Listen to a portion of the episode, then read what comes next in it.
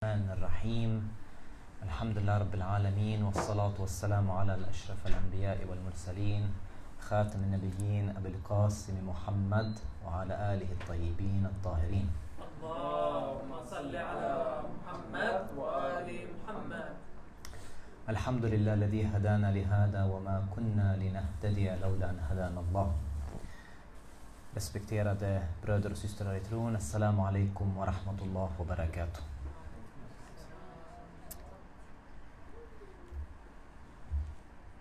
Ja ayyuhan nas, O människor. Guds månad är på ingång med nåd, välsignelse och förlåtelse. En månad som enligt Gud är den bästa av månader. En månad som enligt Gud är alltså de bästa av månader. Vars dagar är det bästa av dagar. Vars nätter är det bästa av nätter. Och vars timmar är det bästa av timmar. Det är en månad i vilken ni har inbjudits till Guds gästabud och i vilken ni har gjorts till hans värdiga folk. Så inleds profetens khutba Shabaniya eh, som hölls precis dagarna innan månaden, månaden Ramadan skulle inträffa. Det har blivit en tradition att man läser den här khutban och det är väl, väldigt någonting som jag rekommenderar är att man verkligen tar tiden och faktiskt läser igenom den här för att det ger verkligen en mycket stark känsla. En stark känsla och en förberedelse inför denna heliga månad. Idag, det vi ska göra idag, det är att vi går igenom lite av den här Khutba Shabaniya. För att i den eh, har profeten sammanfattat väldigt väl just månaden Ramadan. Den här heliga månaden, vad vi har egentligen framför oss. Och hemligheten här är att verkligen förstå storheten av den här khutban. Och det är lite det tanken med dagens föreläsning är. För vi vill dels titta på vad vill profeten säga med denna khutba shabaniya? Vad vill han säga med den? Och vi vill också förstå värdet och storheten av denna månad som stundar för oss. För att om vi verkligen kan förstå den, om vi verkligen kan förstå de här khutba Shabaniyah som profeten har lämnat, då kommer vi att kunna ta ut och få ut det mesta av värdet från denna månad. Och det finns ett sätt att göra detta på. Det finns ett sätt att göra detta på och ett verktyg. Och det är Azz al-Rububiyya och Zul El Ubudiyya. Alltså vad betyder det? Det betyder i princip i praktiken att jag höjer upp Gud och sänker ner mig själv. Alltså Guds storhet och min litenhet. När jag ser den här ekvationen med en hjälp som vi kommer komma fram till inshallah kommer jag kunna förstå betydelsen av profetens khutba shabaniya.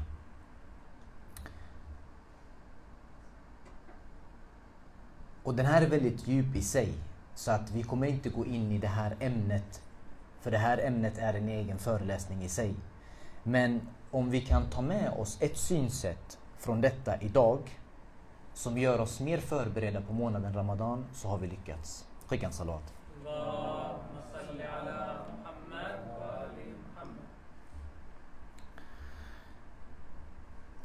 Vi börjar med en liten bakgrund. بسم الله الرحمن الرحيم يا أيها الذين آمنوا كتب عليكم الصيام كما كتب على الذين من قبلكم لعلكم تتقون Troende, det är en plikt för er att fasta, liksom det var en plikt för dem som levde före er. Kanske ska ni frukta Gud. Det ger oss en inblick, den här versen ger oss en inblick på att det fanns religioner, människor innan oss som fastade, som använde detta verktyget. och beviset till detta har vi faktiskt idag.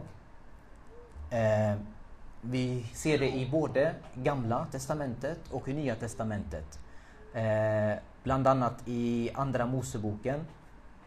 Och han blev kvar där hos Herren i 40 dagar och 40 nätter utan att äta och utan att dricka. Och han skrev på tavlorna förbundets ord, de tio orden. Alltså om profeten Moses. Alaihissalam. I Nya Testamentet Därefter blev Jesus av anden förd upp i öknen för att han skulle frestas av djävulen och när han hade fastat i 40 dagar och 40 nätter blev han omsider hungrig. I Nya Testamentet och det sa till honom Varför fastar Johannes lärjungar ofta och ber böner och likaså fariseernas lärjungar? Fariseerna, vet ni vem fariseerna var? Fariseerna, det är inte alltså perserna, utan det var ett judiskt eh, parti som eh, var verksamma under profeten Jesus tid. Så egentligen från, alltså från judendomen då. Men du äter och dricker, som de säger till eh, profeten Jesus. Jesus svarar dem, kan ni få bröllopsgästen att fasta medan brudgummen ännu är hos dem? Väldigt vackert eh, hur han svarar. Eh, en, en eh, brudgum som har gäster eh, det vore lite som fel att han sitter och alla andra gäster, eh, alla andra gäster egentligen fastar. Så han visar egentligen från en moralisk perspektiv också ett exempel. Men de dagar ska komma då brudgummen ska tas ifrån dem och då ska de fasta i de dagarna.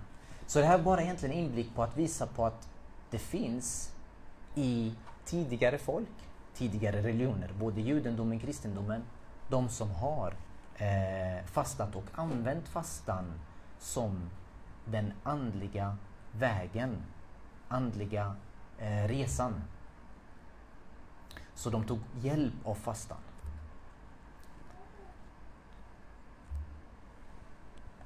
شهر رمضان الذي أنزل فيه القرآن I månaden Ramadan uppenbar, eh, uppenbarelsen av Koranen. Både Tora Tora, alltså den heliga skriften för judendomen, eh, sägs ha uppenbarats den sjätte dagen av månaden Ramadan. Injil, alltså evangeliet eh, som vi eh, är vana vid, Bibeln, eh, sägs ha uppenbarats den tolfte av månaden Ramadan.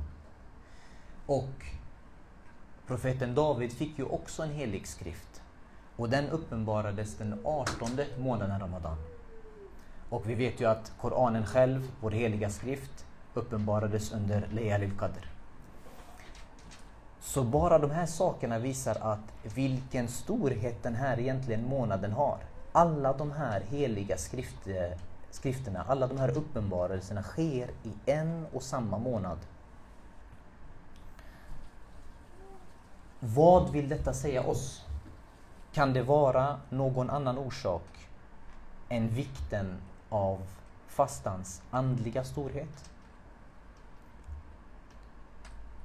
Inna anzalnahu fi laylatil qadr.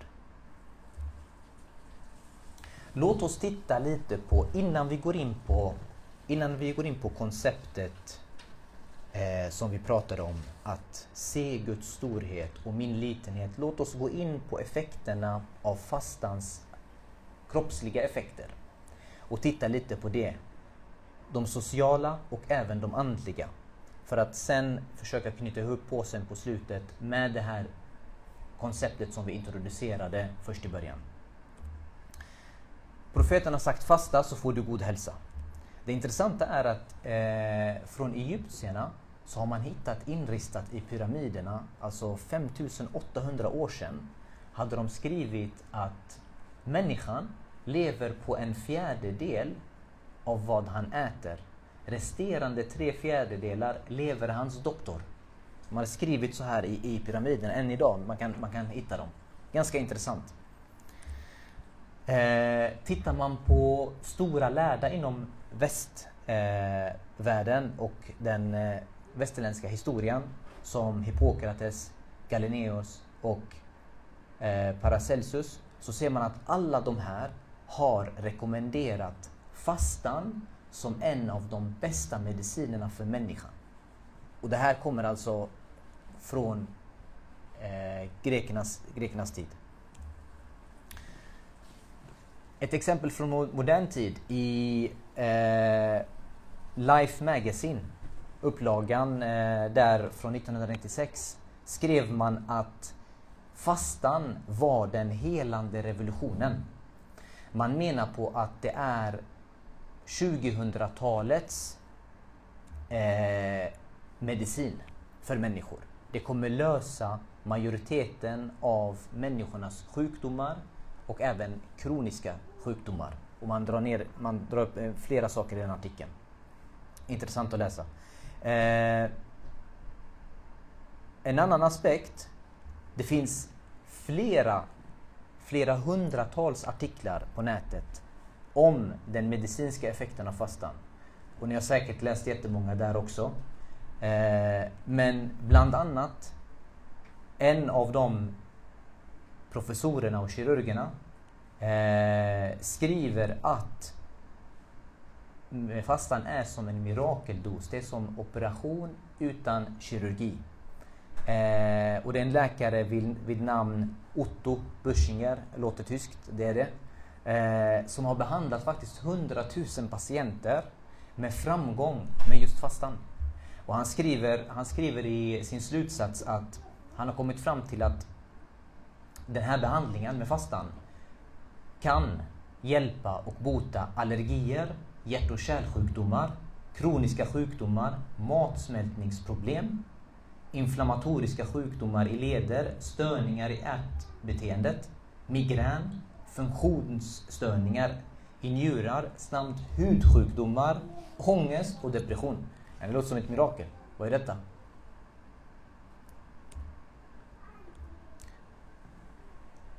Det beskrivs, fastan beskrivs, och det här har vi också tidigare stött på, det beskrivs som att en typ av kroppslig avgiftning.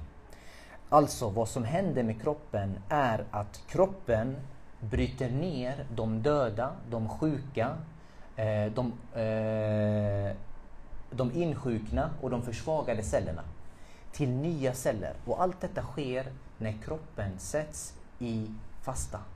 Det är då själva processen sätts igång. Och den, den här processen kallas eh, av en del autolys eller avgiftning egentligen. En intressant sak här är från vårt eget land en professor vid namn Stig eh, Bengmark, före detta chefskirurg eh, på Lunds universitet. Efter 30 års forskning i magens bakterier och hur maten vi äter påverkar kroppen kommer han fram till att alla kroniska sjukdomar har en och samma orsak. Ett uttröttat immunförsvar orsakat av kronisk inflammation.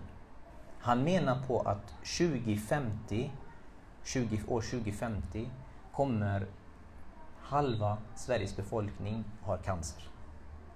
Och han härleder det till att det kommer från, 80% kommer från magen, orsakat av magen. Så alltså vad vi stoppar i oss och hur mycket vi stoppar i oss. En väldigt intressant bok faktiskt. Eh, där han i slutet, vad jag egentligen kommer fram till, kommer fram till att det bästa sättet, det är att fasta. Och han sätter upp två olika metoder. En 18 timmars fasta och en 16 timmars fasta. Det är de två metoderna han, han kommer fram till i sin, i sin bok och säger att det här är det optimala sättet för människan att leva. Eh, och det kommer efter flera års studier där han upptäckte hur folk i eh, tre delar i världen hade en livslängd över 100 år och det gemensamma för de här var att hur de egentligen eh, åt av det marken gav och den tiden det var ingen skörd åt de ingenting. Så det blev som en automatisk fasta egentligen utan att de tänkte på det. Det fanns ingenting att äta helt enkelt. Eh, biverkningarna av eh, fastans första dagar, ibland brukar vi säga att det är eh, någonting negativt. Men egentligen, det vi går igenom, det här med huvudvärk, man kan få huvudvärk, man kan få trötthet, man kan få Eh, man kan få till och med eh, influensaliknande symptom de första dagarna. Det som vi tror är egentligen något dåligt, inom medicin förklarar man det att det är egentligen gifterna i kroppen som går ut. Det är en, helt enkelt en, en detox, en avgiftningsprocess som sker. Det är vårt beroende av gifterna som har gjort, som gör den här, eh, som gör de här effekterna. De här effekterna kommer egentligen från den skada som vi har orsakat av det vi har stoppat i oss. Men vi, se, vi ser att efter två, tre dagar av fasta så har man nästan gått över den här eh, avgiftnings detoxprocessen och då är man inne igen och då, då känner man ingenting längre. Det här var lite om de medicinska, kroppsliga. Låt oss titta lite på de sociala aspekterna. Och med er hunger och törst, minns hungern och törsten under domens dag och ge sadaka till era fattiga och behövande. Också från Khutbah Shabaniya, finns på doha.se. hela översättningen att läsa.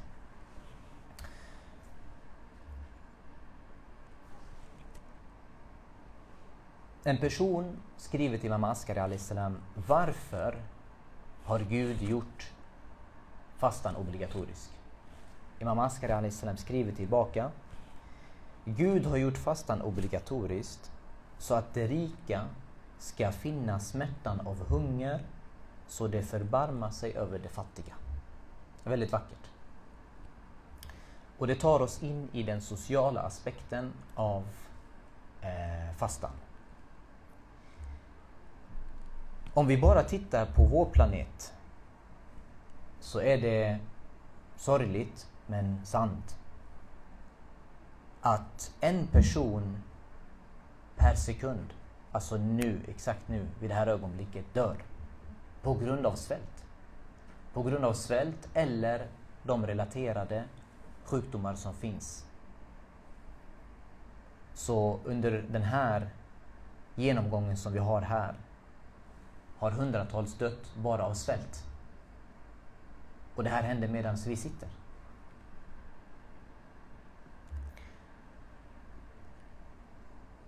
Vi lever och får skåda den största humanitära katastrofen i modern tid.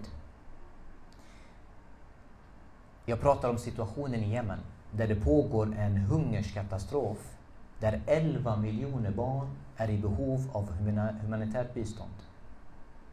Det är nästan alla barn i Jemen eh, som egentligen innan kriget var fattiga. Det här landet Jemen som är beroende av import av 90 80 procent av sina tillgångar har egentligen fått sin hamn bojkottad, sanktionerad och kan inte få in några förnödenheter alls. FN säger själv att tre fjärdedelar av alla jemeniter är i behov av akut nödhjälp. Nödhjälp alltså. 22,2 miljoner människor, tänk er 22,2 miljoner människor är i behov av nödhjälp. Alltså mat, de vill bara ha mat. Där dör fem barn per dag. Tänk på detta. Låt oss nu jämföra med Sverige. Från Folkhälsomyndigheten. Statistik som kommer från Folkhälsomyndigheten. Eh, 2021 är de här siffrorna från. Som visar att hälften av Sveriges befolkning, alltså 52 procent, i åldrarna har man kollat mellan 16 till 84, är överviktiga eller lider av fetma. Vad är Sverige? Som egentligen vi tror att vi ändå är ett land som har hyfsat bra koll på vår hälsa och vi tar hand om och vi är fysiskt aktiva och så vidare.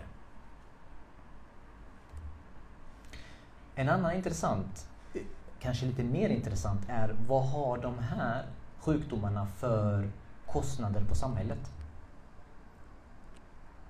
Om vi tittar den totala årliga kostnaden för fetma uppgår till 70 miljarder kronor i Sverige. 70 miljarder kronor. Jag pratar inte om några andra sjukdomar, jag pratar bara om fetma och övervikt. Och det största problemet som egentligen världen står inför när vi tittar på det här. Det är inte att människor dör. Det är snarare avsaknaden av en känsla att bry sig om andra behövande och andra personer i nöd. Det är egentligen den som saknas. För tänk er om vi hade haft den här sympatin för andra. Då hade vi haft mer jämvikt i det vi konsumerar. De som konsumerar idag för mycket kunde använt de här 70 miljarderna till att hjälpa de som inte ens har mat på bordet. 70 miljarder bara för att vi äter för mycket och får problem av det. Kunde ha gått till att mata de som verkligen behöver. Så fastan hjälper oss att komma ihåg det som har det sämre än oss. Alltså vi får den här medkänslan. Ett annat exempel. Om vi bara skulle använda lunchpengarna som vi sparar under månaden Ramadan. Bara den summan lunchpengar och skänka den. Jag läste på en av deras sidor eh, de här välgörenhetsorganisationerna. De pratar om att 300 kronor skulle räcka att mata en mamma och hennes barn i en hel vecka. Hel vecka.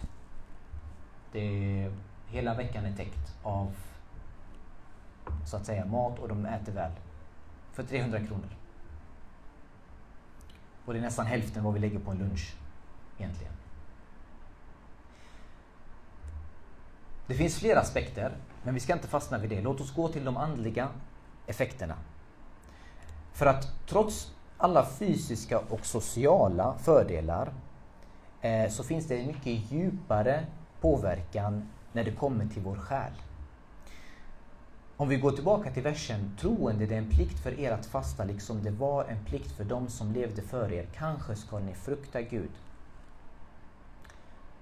Kanske ska ni frukta Gud. Alltså syftet, syftet med fastan är att uppnå taqwa. Taco var ett ämne som Broder Mikael pratade om för några veckor sedan. Jag vet inte hur mycket ni kommer ihåg, men sammanfattningsvis kan man säga att taqwa är med ett ord gudsmedvetenhet. Men den här gudsmedvetenheten,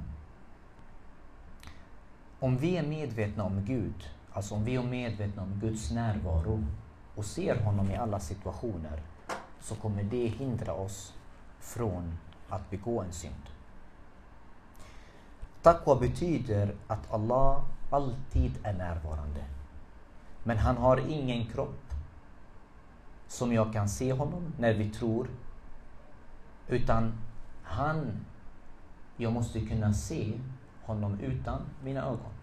Om jag tror på detta, om jag tror på detta, alltså om min hjärna lyckas övertyga mitt hjärta till att acceptera det här, hans existens, hans närvaro, då kommer jag kunna nå den här takwan som egentligen är en del av fastan. Men den här takwan den ger också någonting. Vad ger den här takwan? Den ger självbehärskning. En självbehärskning av att jag tar kontrollen över mig själv i princip. Jag kan kontrollera och styra mig själv. Och syftet är att nå denna taqwa och självbehärskning. För att under året, vad gör vi? Vi tar hand om vår kropp, vi tar hand om vår kropp så fort vi är hungriga. Vi äter, vi blir törstiga, vi dricker. Vad händer under månaden Ramadan? Vi fastar. Vi avhåller oss från mat och dryck. Vi känner hunger. Vår tunga känner törst. Och de här sakerna påminner oss ständigt om varför vi gör det vi gör. Vi fastar för Gud. Den här påminnelsen blir egentligen en påminnelse om Gud som gör att han blir närvarande i mitt liv hela tiden. Och det är egentligen precis, precis det som är målet med att kunna behålla den här närvaron. Alltså kunna se den här närvaron av Gud, Guds närvaro i mitt liv hela tiden. För ärligt talat, om vi hade sett Gud framför oss, hade vi syndat? Nej, vi har inte syndat. Om vi hade syndat så hade vi gjort det på grund av att vi för den stunden gjorde en försummelse och då inte såg Gud framför oss.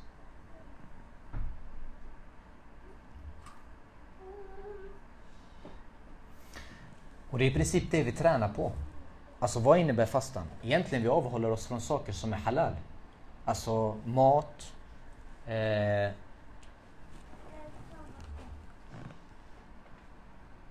eh, mat, eh, dryck.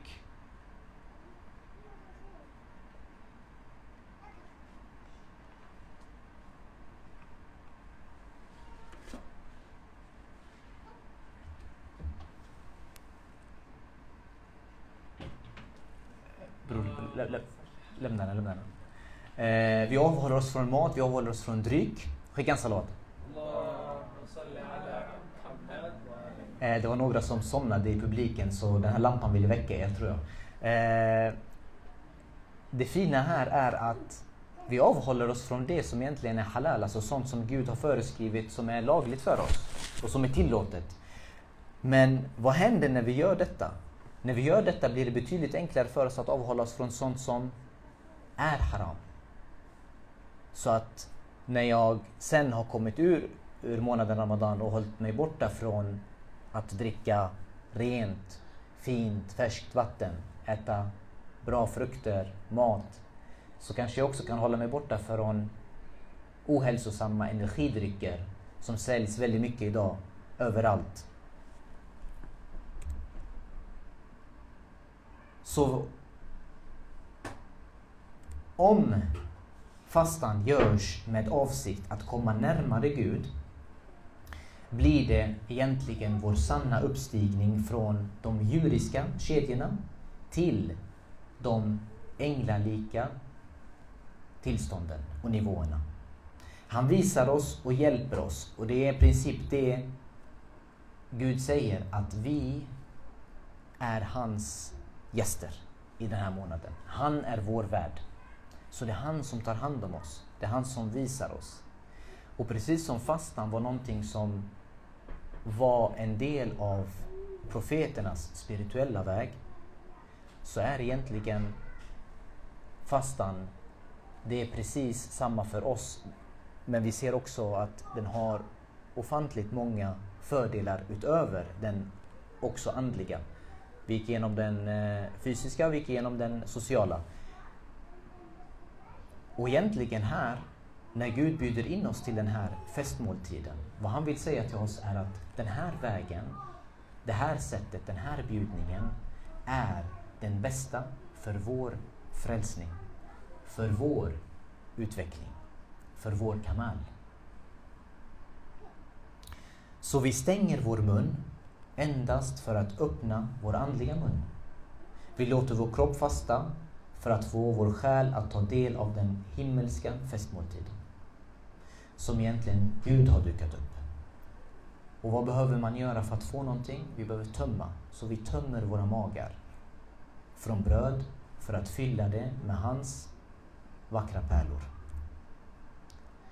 Det är en månad i vilken ni har inbjudits till Guds gästabud och vilken ni har gjorts till hans värdiga folk. Några nivåer av fastan innan vi kommer till konkluderandet. Det finns tre typer. Fastan av sharia, fastan av tariqa och fastan av hakika. Väldigt förenklat kan man säga att sharia är egentligen den ytliga typen av fastan. Man fastar bara enligt fiqh-regler. Jag avhåller mig från det jag ska göra eh, och jag gör bara det jag måste göra helt enkelt. Medan at-tariqat är när den här måste börjar omvandlas till någonting jag vill. Jag vill göra den. Vad händer i det här tillståndet? Jag upptäcker egentligen fördelar. Jag, för, jag börjar fundera och reflektera över varför jag fastar, för vem jag fastar. Vad har den för nytta? Och genom det tar den mig till den större nivån av, eh, av fastan. Eh, Imam Sadiq Alisem säger att när du fastar, låt dina ögon, öron, hår, hud och alla kroppsdelar också fasta. Och det är egentligen den här typen av tarikat. Alltså det är de här gruppen av de som egentligen under Shahar Ramadan, saker och ting som är haram blir, är fortfarande haram men blir ännu mer haram. Så de avhåller sig verkligen från baktal, från, från synd, från eh, ria, från, från alla typer av, av synder. De gör extra mycket kontroll i det här. Sen kommer vi till Al-Haqiqat. Vad är den? Den här gruppen anser och har det här synsättet att man är vad man tänker på. Människan är vad man tänker på. Och det här är en jävligt hög nivå. För de här implementerar egentligen fastan på tankarna. Eh, och den här nivån räknas till den högsta eh, av de här för att egentligen vad man gör är att man fastar från allt förutom Gud i den här. Så varenda tanke, varenda tanke, varenda impuls, allting fastar man egentligen mot. Och det är det som vi läser i Munajat, Shabaniya. Ilahi habli kamal al-inqita'u ilaik. Min Herre, bevilja mig en komplett avskildhet från allt annat än dig. Det är den här nivån. Allt. Komplett. Jag vill inte ha någonting mer. Bara dig. Och den här gruppen tror att precis som den kroppsliga fastan bränner fettet och tar bort gifterna, så gör den mentala fastan samma sak med tankarna. Belöningen av denna, det är Gud själv. Vi summerar ihop. Hur jag än vrider och vänder på det idag, så ser jag att okej, okay, vad får jag av fastan? Varför vill Gud att jag ska fasta? Varför har han gjort fastan obligatorisk? Det vackra här är att om vi kan implementera det här verktyget för att inse storheten av månaden Ramadan, storheten i profetens predikan. Och det är egentligen det synsättet som var kärnan av att ta med oss härifrån idag. Vad kan vi göra för att få den här förståelsen av månaden Ramadan och profetens ord? Det är bara den. Om vi kan ta med oss de här, jag lovar er syskon, garanterat, varje gång vi läser den predikan kommer vi få någonting. Och möjligt att vi inte får någonting om vi verkligen implementerar det. Den är djup, det här verktyget, men det finns ett enkelt sätt som vi kan implementera den på.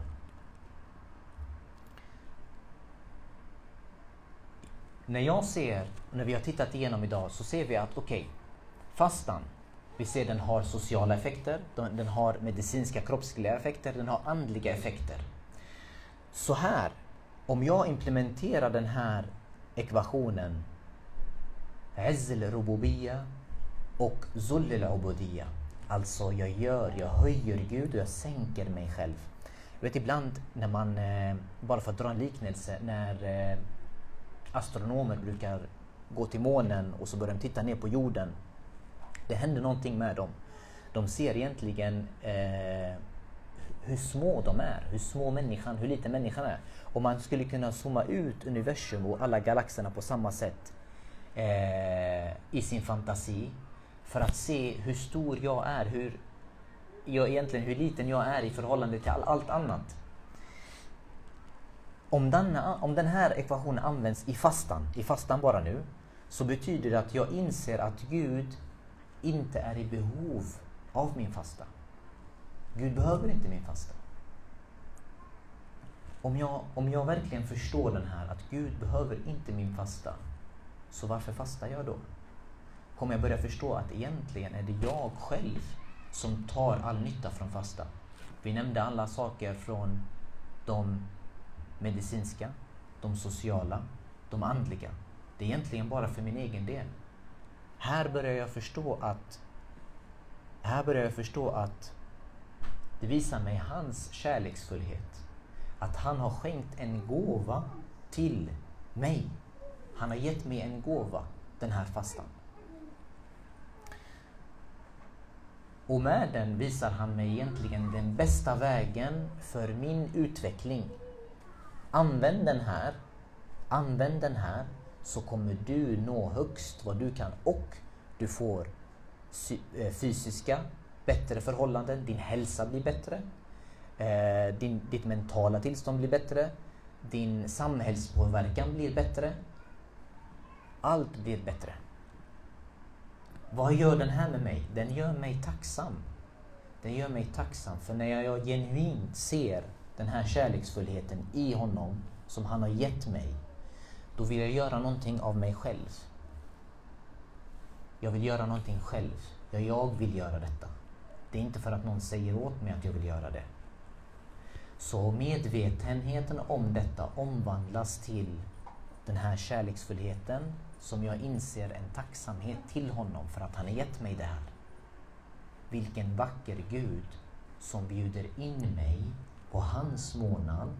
Han väljer att bjuda in mig på hans månad och han vill bjuda in mig på sitt sätt. Jag kan tänka mig, men Gud varför dukar du inte upp en jättestor festmåltid? Det är precis det han gör med fastan. Med fastan.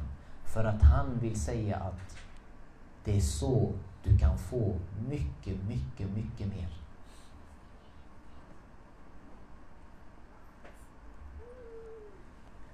Och här sker den omvandlingen.